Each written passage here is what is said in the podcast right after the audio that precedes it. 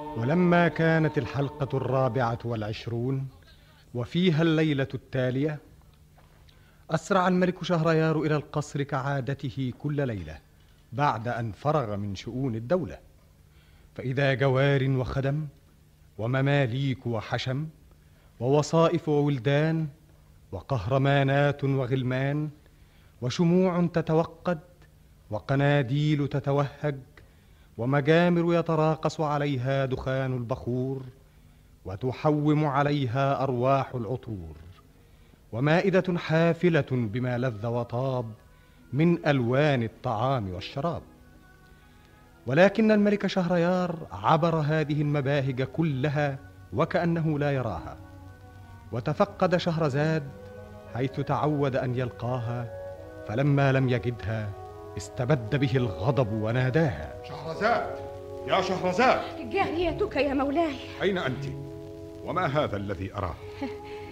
أردت يا مولاي أن تقولين أردت؟ منذ متى كانت لك إرادة؟ أنت هنا لا تريدين إنما أنا الذي أريد. أمرك يا مولاي. من قال لك إنني أريد أن أسمع أولئك الجواري؟ وما هذه الوصائف والقهرمانات؟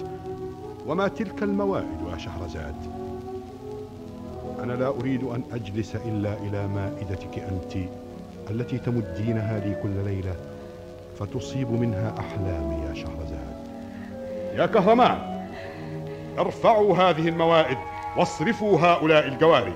عفوك يا مولاي فقد كنت أريد أن أحتفل بآخر ليالينا. آخر ليالينا؟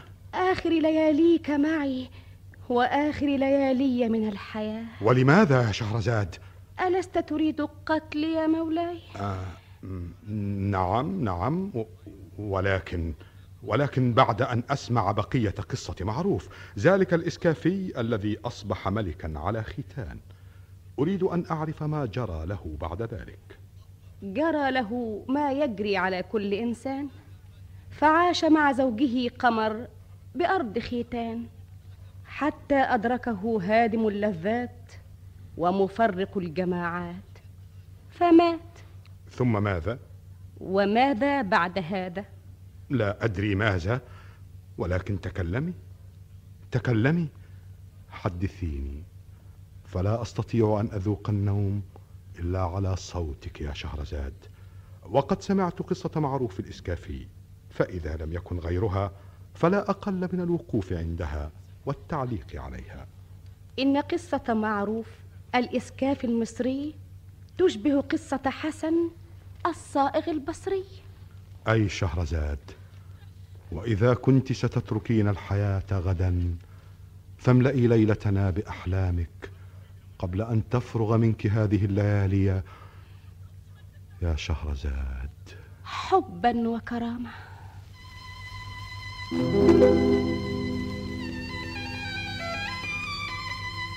بلغني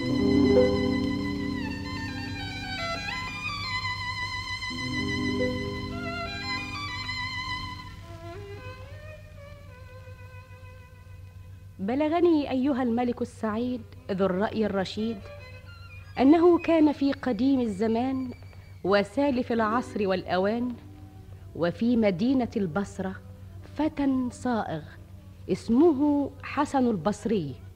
وكانت صنعته الصياغة. وكان له دكان في الصاغة. يكسب منه قوت يومه وينفق منه على أمه.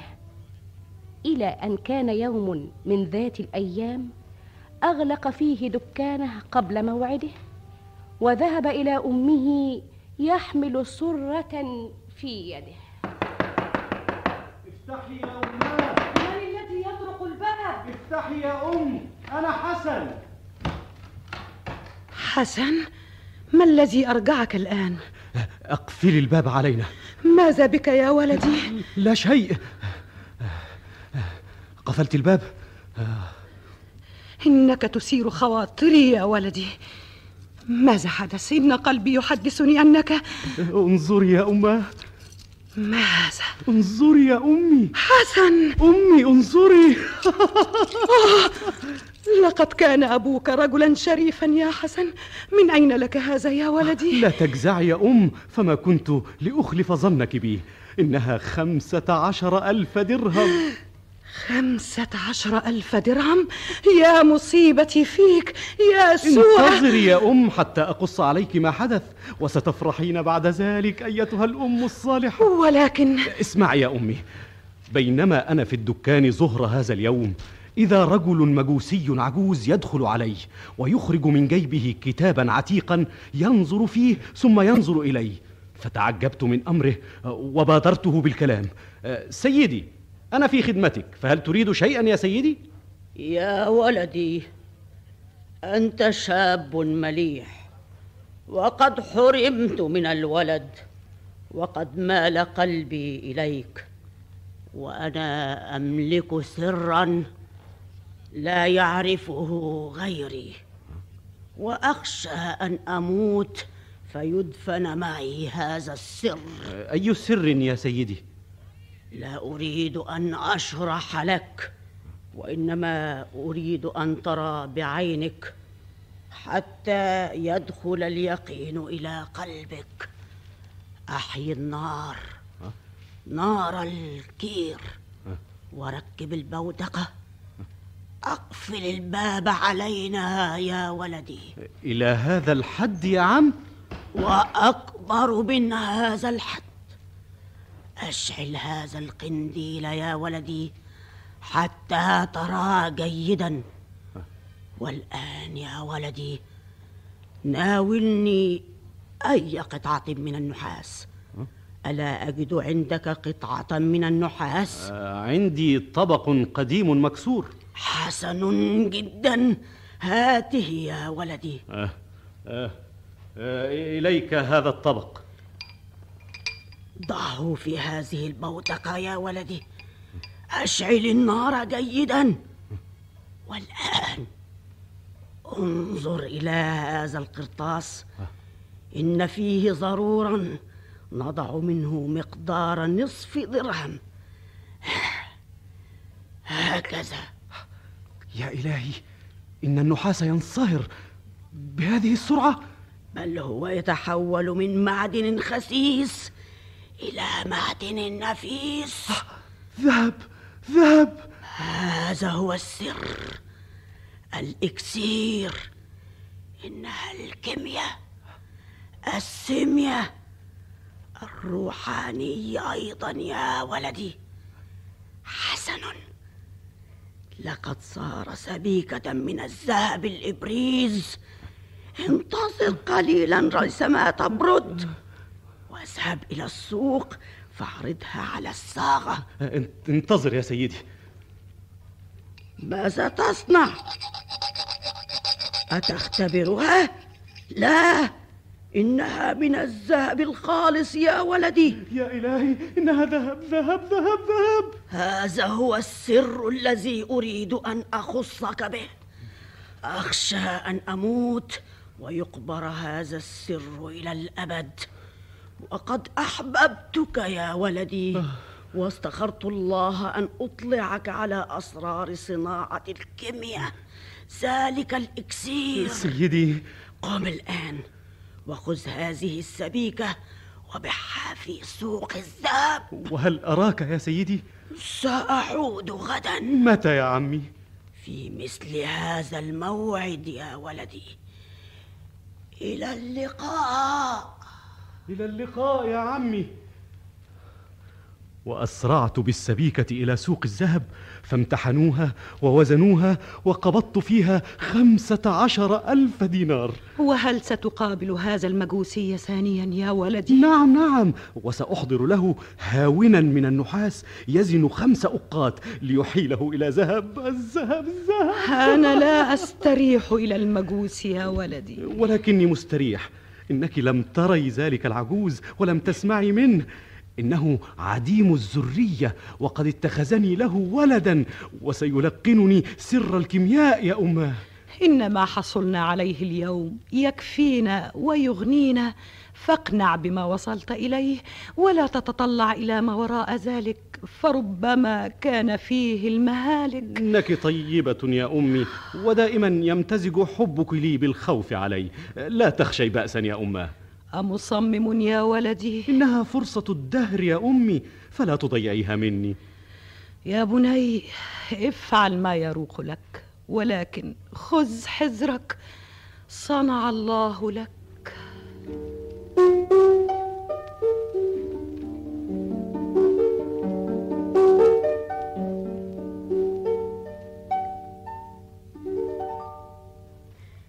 صباح الخير يا حسن. أهلا سيدي. تفضل يا عمي تفضل. ما هذا يا ولدي؟ إنه هاون من النحاس. أحضرته لك لتحيله إلى ذهب. هاون من النحاس. هل جننت يا ولدي حتى تبيعهم بالأمس سبيكة بخمس عشر ألفا ثم تخرج عليهم اليوم بهاون من الذهب؟ هاون من الذهب. إن الناس ينكرون علينا وقد يتهموننا بصناعة الكيمياء. وأنت تعرف عقوبتها. صدقت يا عمي صدقت. إذا لقنتك سر هذه الصنعة فلا تستعملها إلا مرة كل عام. فهي تكفيك وتغنيك. صدقت يا عمي. ماذا تعمل يا ولدي؟ أركب البوتقة وأشعل الفحم. ولماذا يا ولدي؟ ألست تريد أن تلقنني سر هذه الصناعة؟ فن. فاسمع يا ولدي. هذا الإكسير. ذلك الضرورة يا ولدي. نبات عشب لا ينبت إلا على قمة جبل قاف. جبل قاف؟ نعم. الجبل الذي ينقسم عليه السحاب لفرط ارتفاعه. وأنا لا أسافر إليه إلا مرة واحدة كل عشرة أعوام. ولا أسافر إلا وحدي. ولا يعلم بهذا السر أحد غيري. فإن شئت أن تعرف مكان فلن أضن عليك بصحبتي. إنك تطوق عنقي بجميلك يا عمي. أنت ولدي. يا ولدي. ومتى تسافر يا عمي؟ أنا أسافر في مثل هذه الأيام من كل عام. ومتى تنو يا عمي؟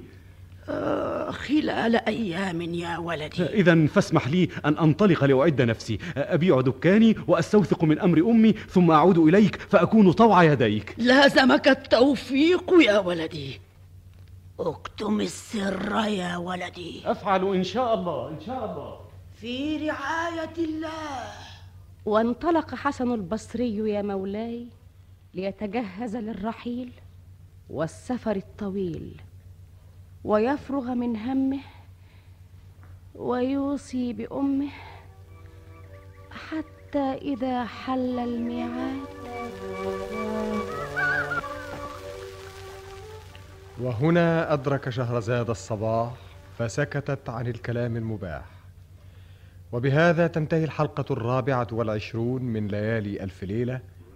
يكتبها طاهر أبو فاشا ويخرجها محمد محمود شعبان. ولما كانت الحلقة الخامسة والعشرون وفيها الليلة التالية اتخذ الملك شهريار مجلس الليلة الماضية وأقبلت عليه شهرزاد تقص عليه ما وقع وتصل من الحديث ما انقطع.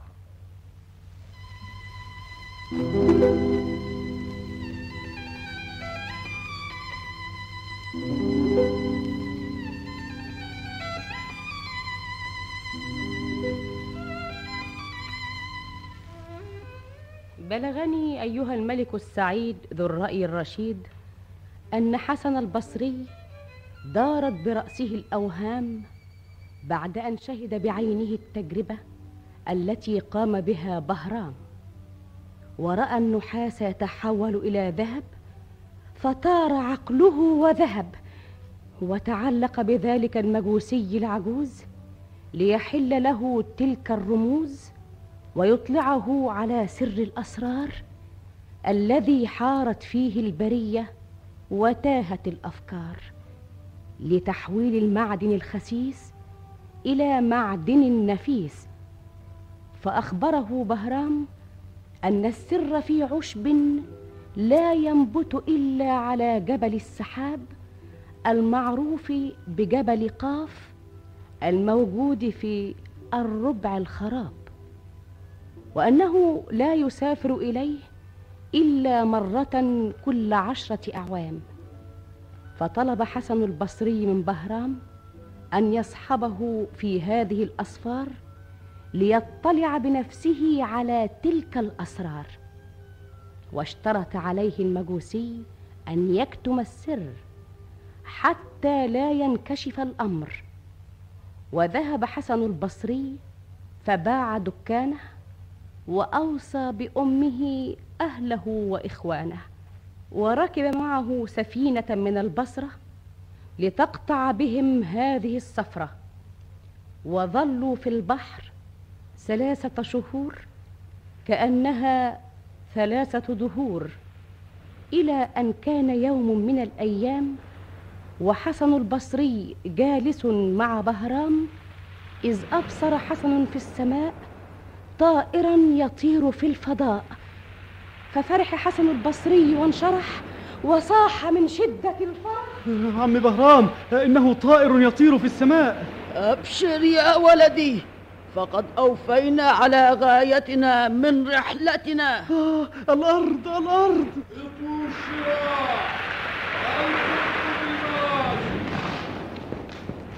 كفة إلى الشرق بقوة أرجو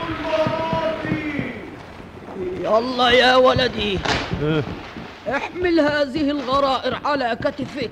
مع السلامة يا عم بهرام. لا تنسوا موعدنا. سأنتظركم على هذا الساحل في أواخر العام القادم. انشروا الشراع وأرفعوا المراسي وسيروا بسم الله.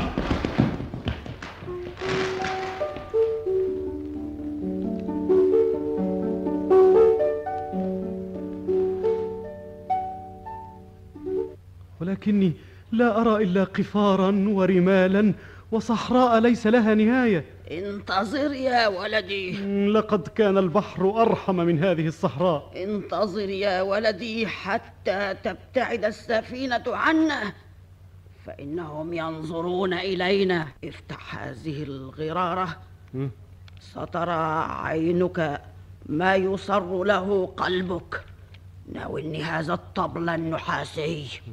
آه هذا الطبل النحاسي يا ولدي مرصود. إذا ضربت عليه حضرت النجائب ووصلت بنا إلى المقصود. انظر.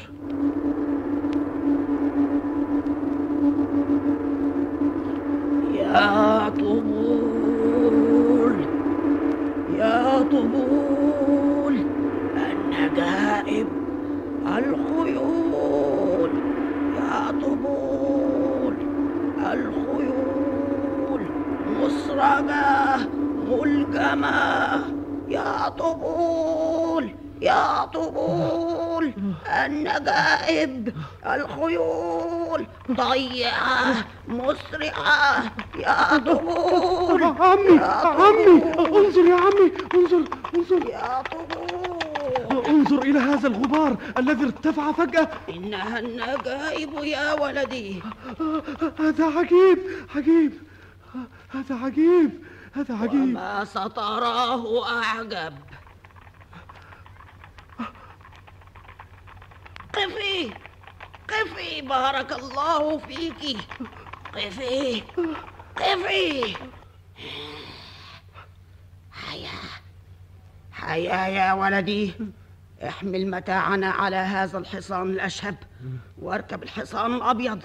إنما أنا فسأركب هذا الحصان الأحمر. سم الله يا ولدي. بسم الله الرحمن الرحيم. هيا يا ميمونة. سابق الرياح. سابق الظنون. هيا. هيا.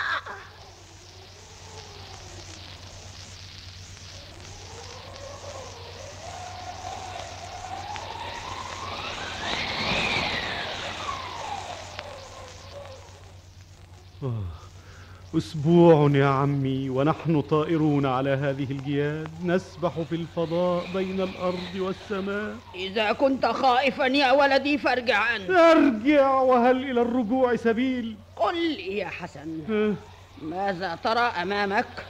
أرى هذا غمام يملأ المشرق والمغرب. بشرى يا ولدي. ليس هذا غماما. إنه جبل قاف ينقسم عليه السحاب ولا يمشي فوقه لفرط ارتفاعه. وهو قبلتنا وعلى قمته حاجتنا. قفي قفي يا ميمونة! قفي بارك الله فيك. انزل يا ولدي. هات هذه الغرائر وهذه. وهذه. آه، هذا حسن. والآن انصرفي يا ميمونة. انطلقي بإذن الله.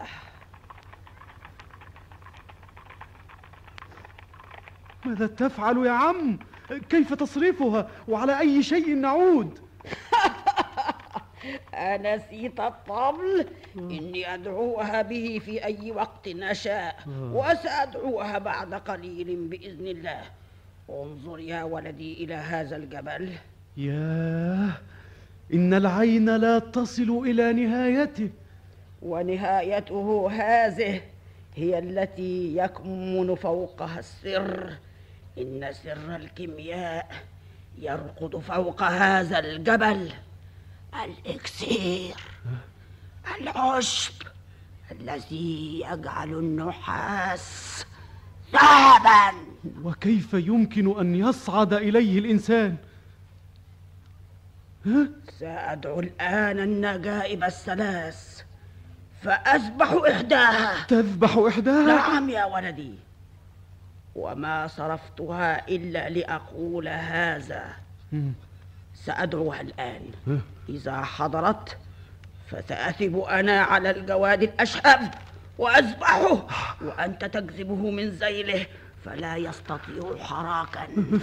ثم ثم. لا! دع كلمة ثم هذه. إن أنت لا تعرف السر كله مرة واحدة ولا يمكنك أن تتلقنه دفعة واحدة. إنما سبيلي معك خطوة خطوة. والآن هيا بنا ننفذ الخطوة الأولى. أين الطبل؟ يا طبول يا طبول النجائب الخيول مسرجة ملجمة يا طبول. الخيول طيعة مسرعة قفي! قفي يا ميمونة. قفي بارك الله فيك. هيا هيا يا حسن بسم الله اجذبها من ذيلها فإنها لا تتحرك بإذن الله. أجهز يا عمي أجهز. هيا حسن أسلق جلدها معي بسرعة بسرعة وهي ساخنة هيا شد من هذه هات يا عمي. الذراعة والذراع الثانية. حسن. حسن يا حسن. والآن الخطوة الثانية. سأدخلك في هذا الجلد وأعطيك هذا السكين وأخيط عليك الجلد. من؟ أنا أنا أنا. ينزل عليك طائر الرخم. فيظنك حيوانا نافقا. فيحملك بين أظافره ويطير بك إلى قمة الجبل. فإذا حط عليه فشق الجلد بالسكين. فإذا رآك الطائر خاف منك وطار. ماذا تقول يا عمي؟ لا تخف يا ولدي. إن هذه الطريقة الوحيدة للصعود إلى قمة جبل قاف. ولن يصيبك سوء بإذن الله يا ولدي. ثم ماذا بعد أن أصعد الجبل؟ لا. لا قلت لك دع كلمة ثم هذه. خطوة خطوة. تعال ننفذ هذه الخطوة. ادخل يا ولدي. لا تخف. لا تخف. نعم. هكذا. ولكن يا عمي. ثق بالله. إنه مرصود لك. ومكتوب عليك. العشب. العشب. فوق ظهر الجبل. لا تنسى العشب يا حسن. والآن سأختفي أنا حتى ينزل الطائر عليك لأنه يخاف مني. يا عمي يا عمي لا تتكلم فإن الطير نازل.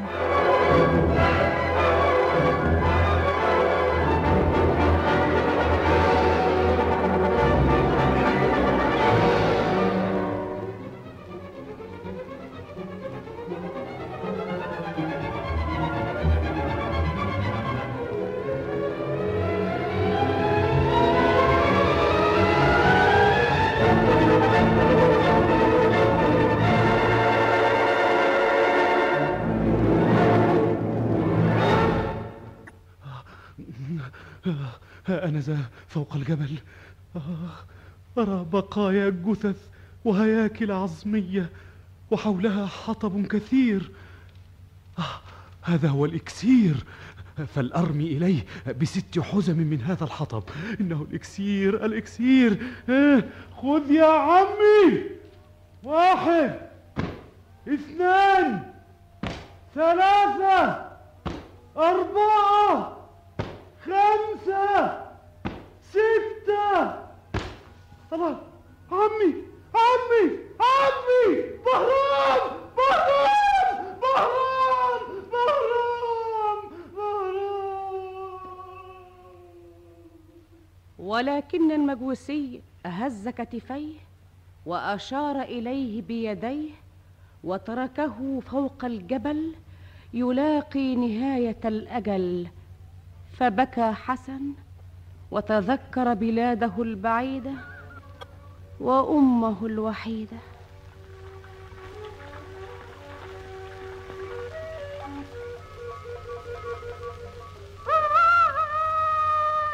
وهنا أدرك شهرزاد الصباح فسكتت عن الكلام المباح. وبهذا تنتهي الحلقة الخامسة والعشرون من ليالي ألف ليلة يكتبها طاهر أبو فاشا ويخرجها محمد محمود شعبان.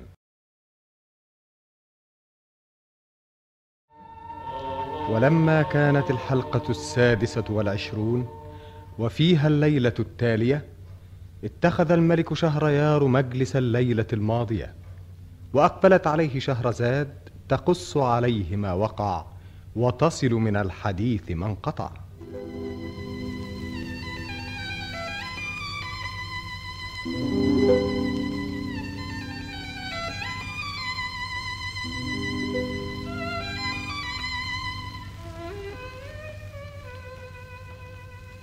بلغني أيها الملك السعيد ذو الرأي الرشيد أن حسن البصري لما غدر به بهرام وتركه على جبل قاف فريسة للآلام والأوهام تلفت حوله فلم يجد غير جثث الذين سبقوه فتأكد أنه سيلقى ما لقوه وأنه سيشرب من الكأس الذي شربوه.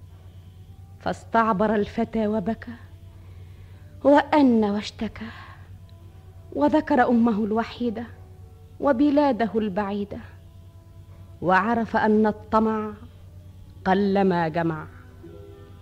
وفجأة رأى طيور الرخم تسبح بحمد ربها فتذكر الطريقة التي صعد بها وأسرع إلى جلد الحصان فدخل فيه وخاطه على نفسه ليخفيه.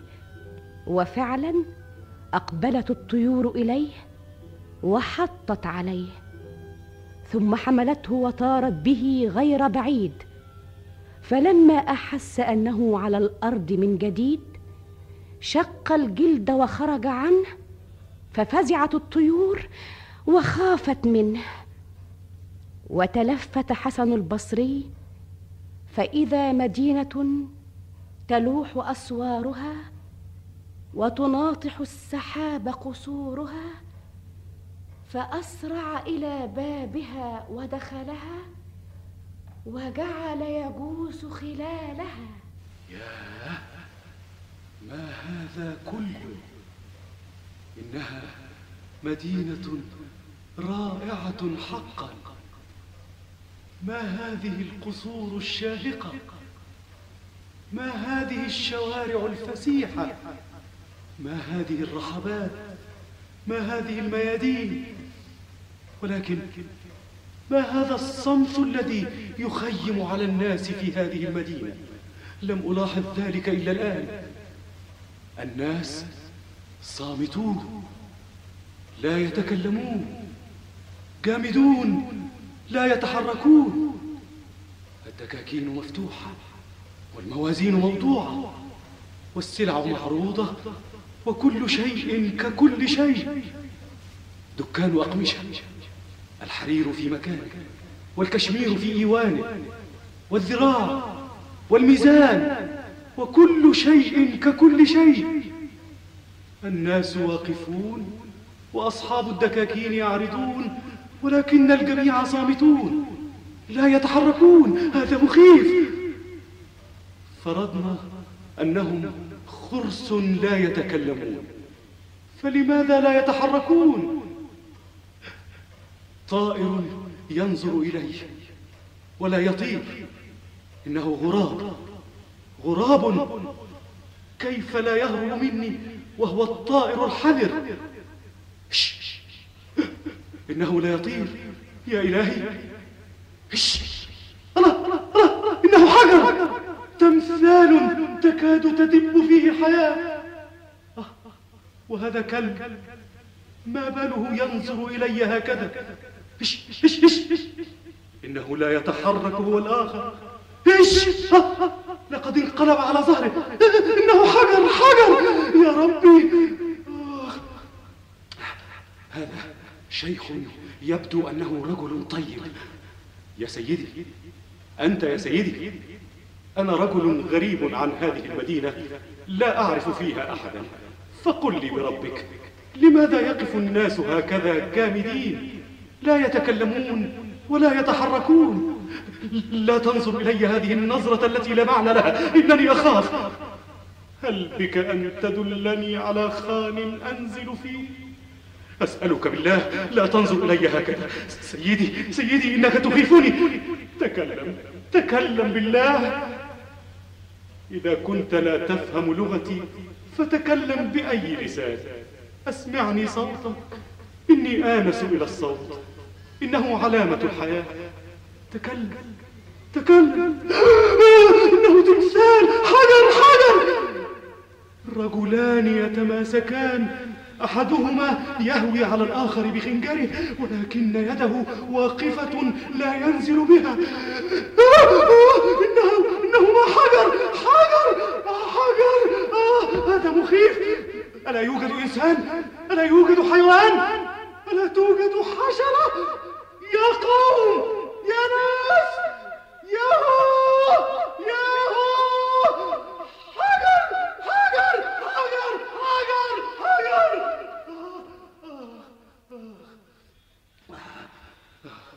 لا شك أنني في منام وأنها أضغاث أحلام. ولكن لا هذه يدي وهذه رجلي لا لا لا لا شك أنني جننت أنا مجنون أنا مجنون مجنون أنا مجنون أنا مجنون آه، آه، آه، آه. تعبت يا ربي وأجهدني الجري ولكن إلى أين أجري؟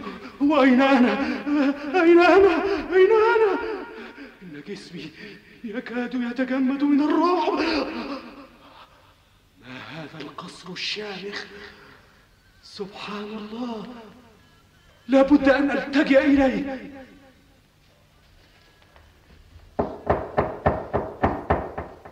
يا قوم يا أهل القصر يا سكان هذا المكان رجل غريب عابر سبيل ألا أجد أحدا آه لا أحد آه.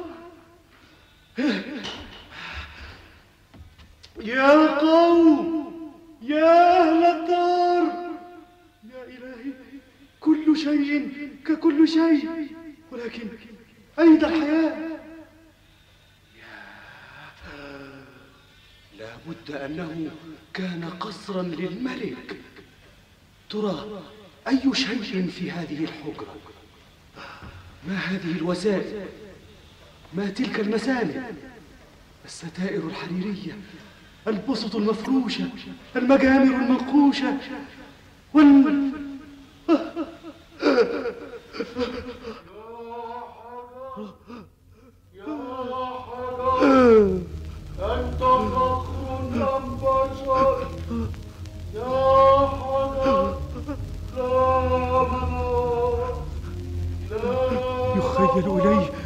سمعت صوتا.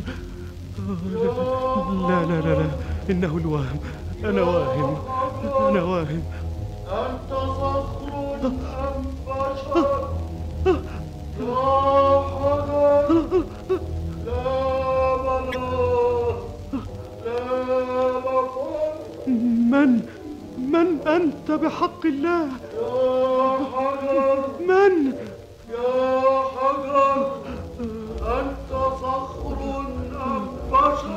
العهود لا تعود والوجود لا يجود.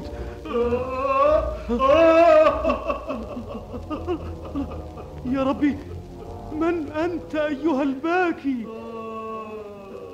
أنت أنت. مسكين مسكين.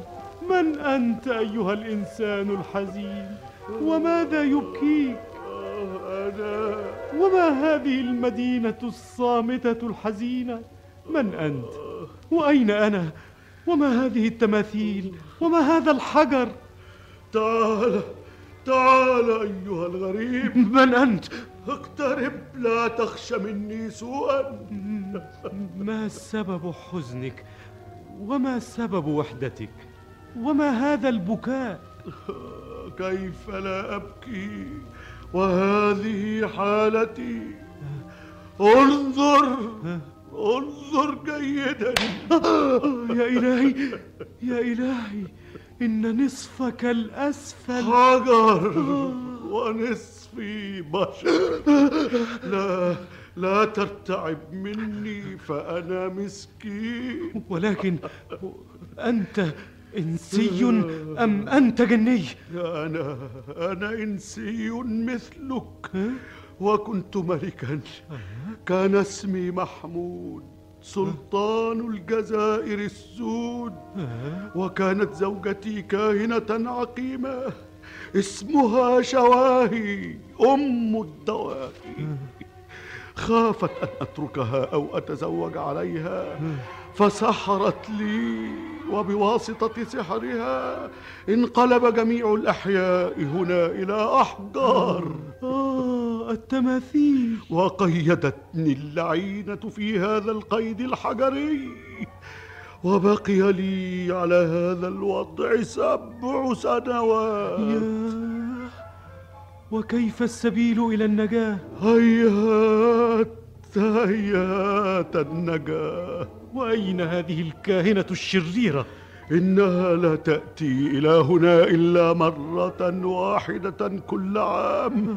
فتجلدني بنبات الزفزاف الذي لا ينبت إلا على جبل قاف. آه العشب. نعم العشب الذي لا ينبت إلا على جبل السحاب. ولكن هذا العشب يستعمل في الكيمياء وتحويل المعادن الخسيسة إلى معادن نفيسة. كذب هذا كذب إنها الحيلة التي تستدرج شواهي بواسطتها في كل سنة إنسانا وترسله إلى قمة جبل قاف ليرمي إليها بالعشب ثم تتركه يموت فوق الجبل. عجبا. إنك تتكلم عن غريمي. ليس غريبا أن تكون هي ذلك الغريب. ولكن هذا رجل اسمه بهرام. أهو مجوسي عجوز. أجل أجل. وهل كان معه الطبل النحاسي المسحور؟ ينادي النجائب والخيول. أجل أجل. إنه هي هي. لقد دخلت علي أمس وهو موعدها كل عام في صورة مجوسي عجوز فلطمتني بالعشب وجلدتني بالحطب وبهذا قضي على هذه المدينة أن تتحجر عاما آخر أنا وأن. أظل أنا الآخر هكذا أنا أيضاً. نصفي حجر. ونصفي بشر. أنا أيضا ضحية هذه الكاهنة. ما كان يخطر بالبال أن يكون ذلك المجوسي بهرام هو شواهي الساحرة الكاهنة. أنت أنت ضحية هذا العام. أنا ضحية هذا العام. عجبا عجبا. كيف إذا نزلت من جبل قاف؟ نزلت منه بالطريقة التي صعدت بها. إذا فأنت يا أخي سعيد الحظ. سعيد الحظ؟ وكيف يكون سوء الحظ؟ قل لي كيف أستطيع أن أرجع إلى بلادي؟ إن بينك وبين أول عمار مسيرة عشر سنوات.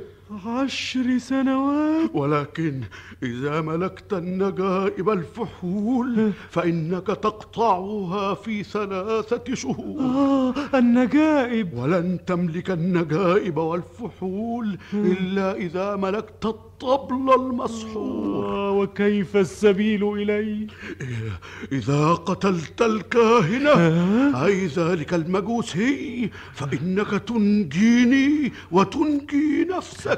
معنى هذا أنني أنتظر معك طول العام في هذه المدينة المسحورة الخراب. لو كان هناك سبيل آخر كان هناك مجال للاختيار. ستعيش معي طول العام حتى تدور الأيام. فتدخل علي وهي آمنة. فعندئذ تنقض أنت عليها فينفك سحري وتملك الطبول وتستدعي النجائب والخيول وتعود إلى أهلك سالما ظافرا غانما. آه. ولكن أنتظر طول العام؟ لا بأس أن تنتظر عاما أو بعض عام. فقد طالت بنا السنين والأعوام.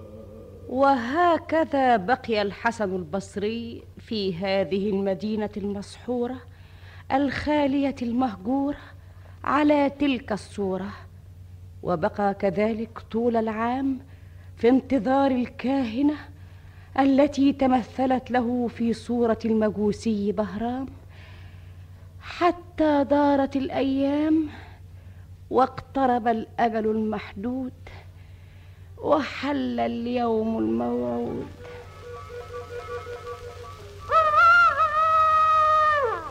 وهنا أدرك شهرزاد الصباح فسكتت عن الكلام المباح. وبهذا تنتهي الحلقة السادسة والعشرون من ليالي ألف ليلة يكتبها طاهر أبو فاشا ويخرجها محمد محمود شعبان.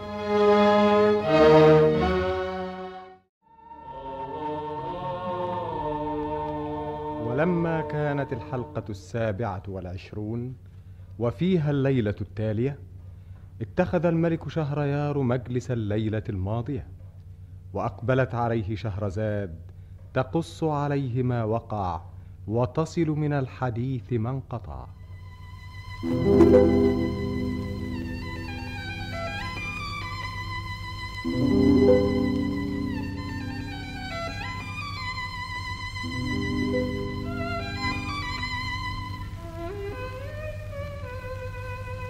بلغني أيها الملك السعيد ذو الرأي الرشيد أن حسن البصري بقي بهذه المدينة المسحورة الخالية المهجورة في انتظار الكاهنة التي تمثلت له في صورة بهرام وبقي كذلك طوال العام.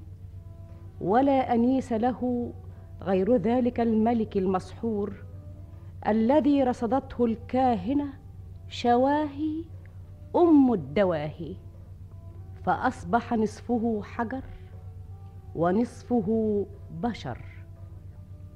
ودارت الأيام ومر العام واقترب الأجل المحدود وحل اليوم الموعود.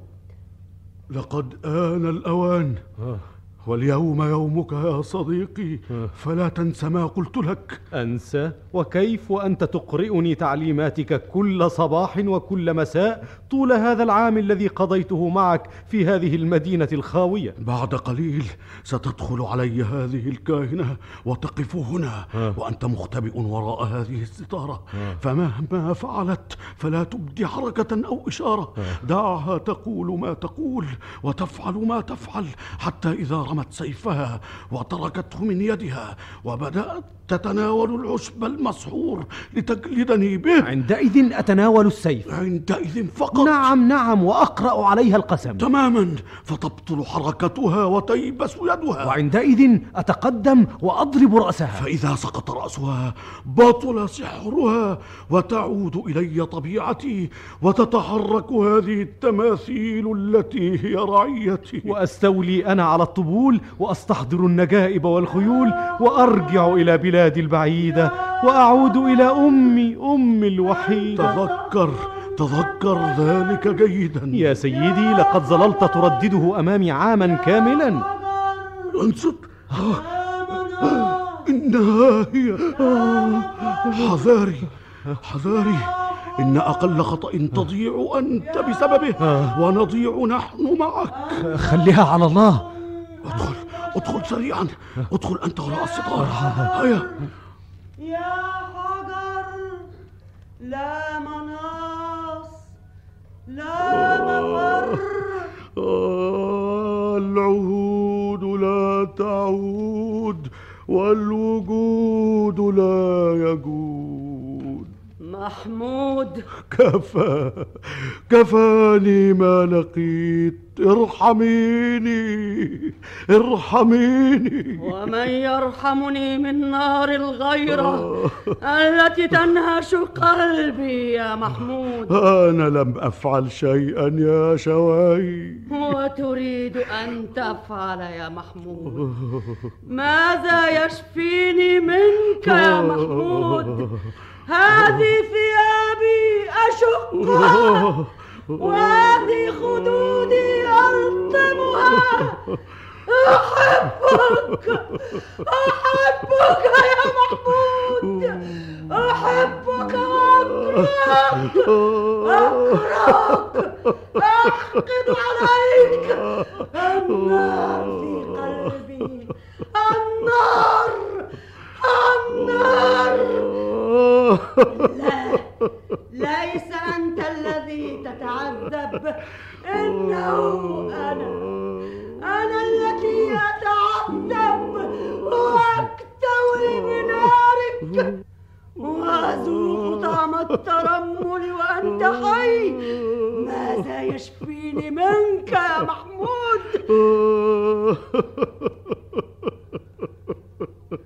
الرحمن أمزقك بهذا السيف ولكنك تموت. تموت. وأبقى أنا للعذاب. اقتليني اقتليني أتشفع إليك. خلصيني من هذا العذاب. لا! لن أقتلك. لن أجعلك تستريح. ارحميني. سأتركك هكذا. نصفك حجر ونصفك بشر. بعيدا عني أيها السيد.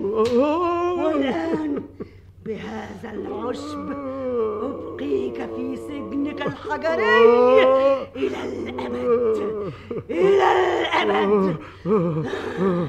يا سبع يا حجر يا حجر.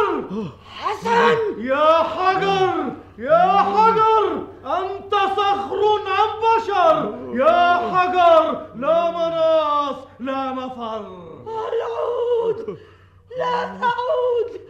والوجود لا يجود. أخيرا يا شواهي أو يا يا ولدي مكانك اقرأ اقرأ عليها القسم. يا حجر يا حجر أنت صخر أم بشر. يا حجر لا مناص لا مفر. العود لا تعود والوجود لا يجود أجهز أجهز عليها. بسم الله. لا شلت يداك يا يا إلهي انظر لقد رجعت قدماي لحما ودما كما كانتا نعم. لقد بطل سحرها. يا الملك. ما هذا؟ انتظر انتظر أيها الحاجب. الحياة الدنيا. آه آه القصر عاد كما كان. وهؤلاء الجنود والخدم والأعوان اسمع المدينة لقد عادت لها الحياة. الحمد لله. يدك يدك يا صديقي. أستغفر الله أستغفر الله. البريد يا مولاي. آه البريد البريد. مولاي. متى قدمت لي آخر بريد يا مسعود؟ آخر بريد؟ لقد كان ذلك أمس يا مولاي. آه، آه، أمس؟ تقول أمس يا مسعود؟ مولاي. تكلم! أعطني منديل الأمان. تكلم وعليك الأمان! إن المدينة كلها لا حديث للناس فيها إلا عن ذلك الحلم العجيب. آه، أي حلم هذا؟ حلم يدعي كل فرد في المدينة أنه رآه فيما يرى النائم بالأمس. الناس كلهم يحلمون حلما واحدا؟ وه- وهل هذا ممكن؟ آه ربما كان هذا أمرا بعيد الاحتمال. وما هذا الحلم يا كل رجل وكل امرأة وكل طفل يذكر أنه رأى بالأمس فيما يرى النائم أنه حجرا. وأنه مكث كذلك سبع سنين. آه، ولولا أن كل واحد منهم أصبح فوجد كل شيء كما تركه بالأمس لما صدق الناس أنه في منام. وأنه مجرد أحلام. أتسمع؟ أتسمع أيها الصديق؟ الناس كلهم يحلمون. لا أكتمك الحقيقة يا مولاي. إذا ذكرت لك أنني شخصيا رأيت بنفسي هذا الحلم بالأمس. وأنت أيضا؟ ومن يدري ربما كانت أضغاث أحلام ولكن ولكن أنت يا حسن ألست ألست أمامي الآن نعم. وهذه الكاهنة القتيل آه.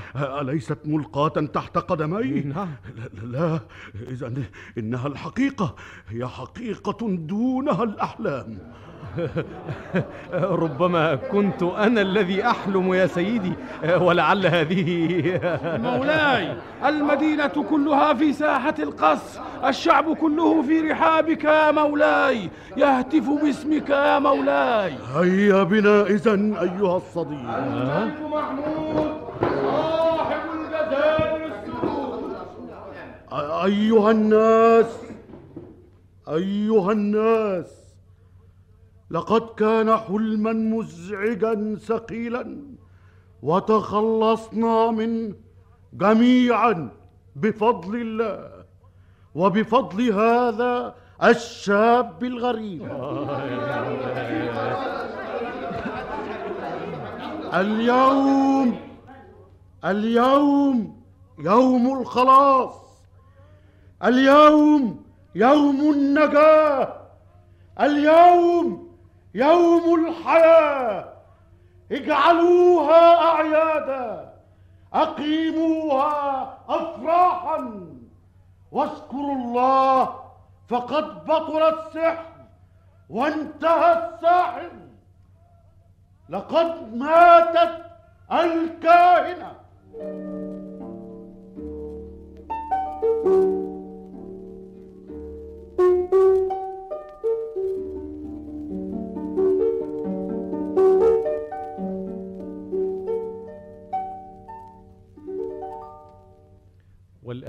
يا سيدي لقد اشتقت إلى وطني وأمي أمي آه. أين الطبل؟ لقد كدت أنسى الطبل المسحور إن كل شيء حولي ينسي ويتيه إنه في جراب الكاهنة آه.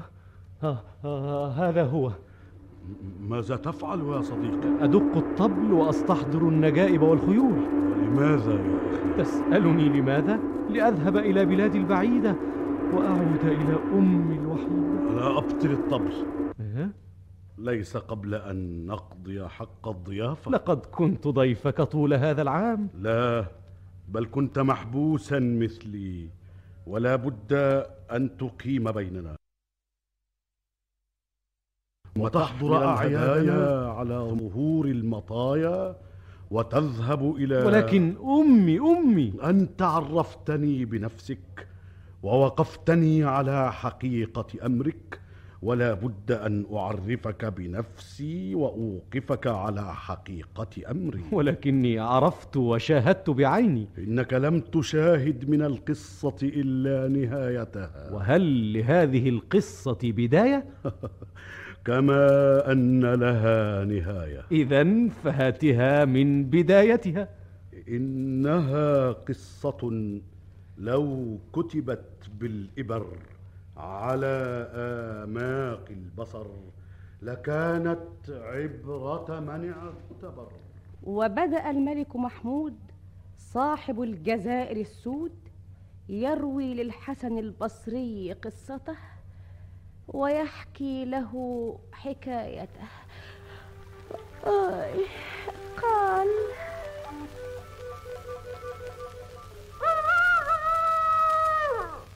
وهنا أدرك شهرزاد الصباح فسكتت عن الكلام المباح. وبهذا تنتهي الحلقة السابعة والعشرون من ليالي ألف ليلة يكتبها طاهر أبو فاشا ويخرجها محمد محمود شعبان.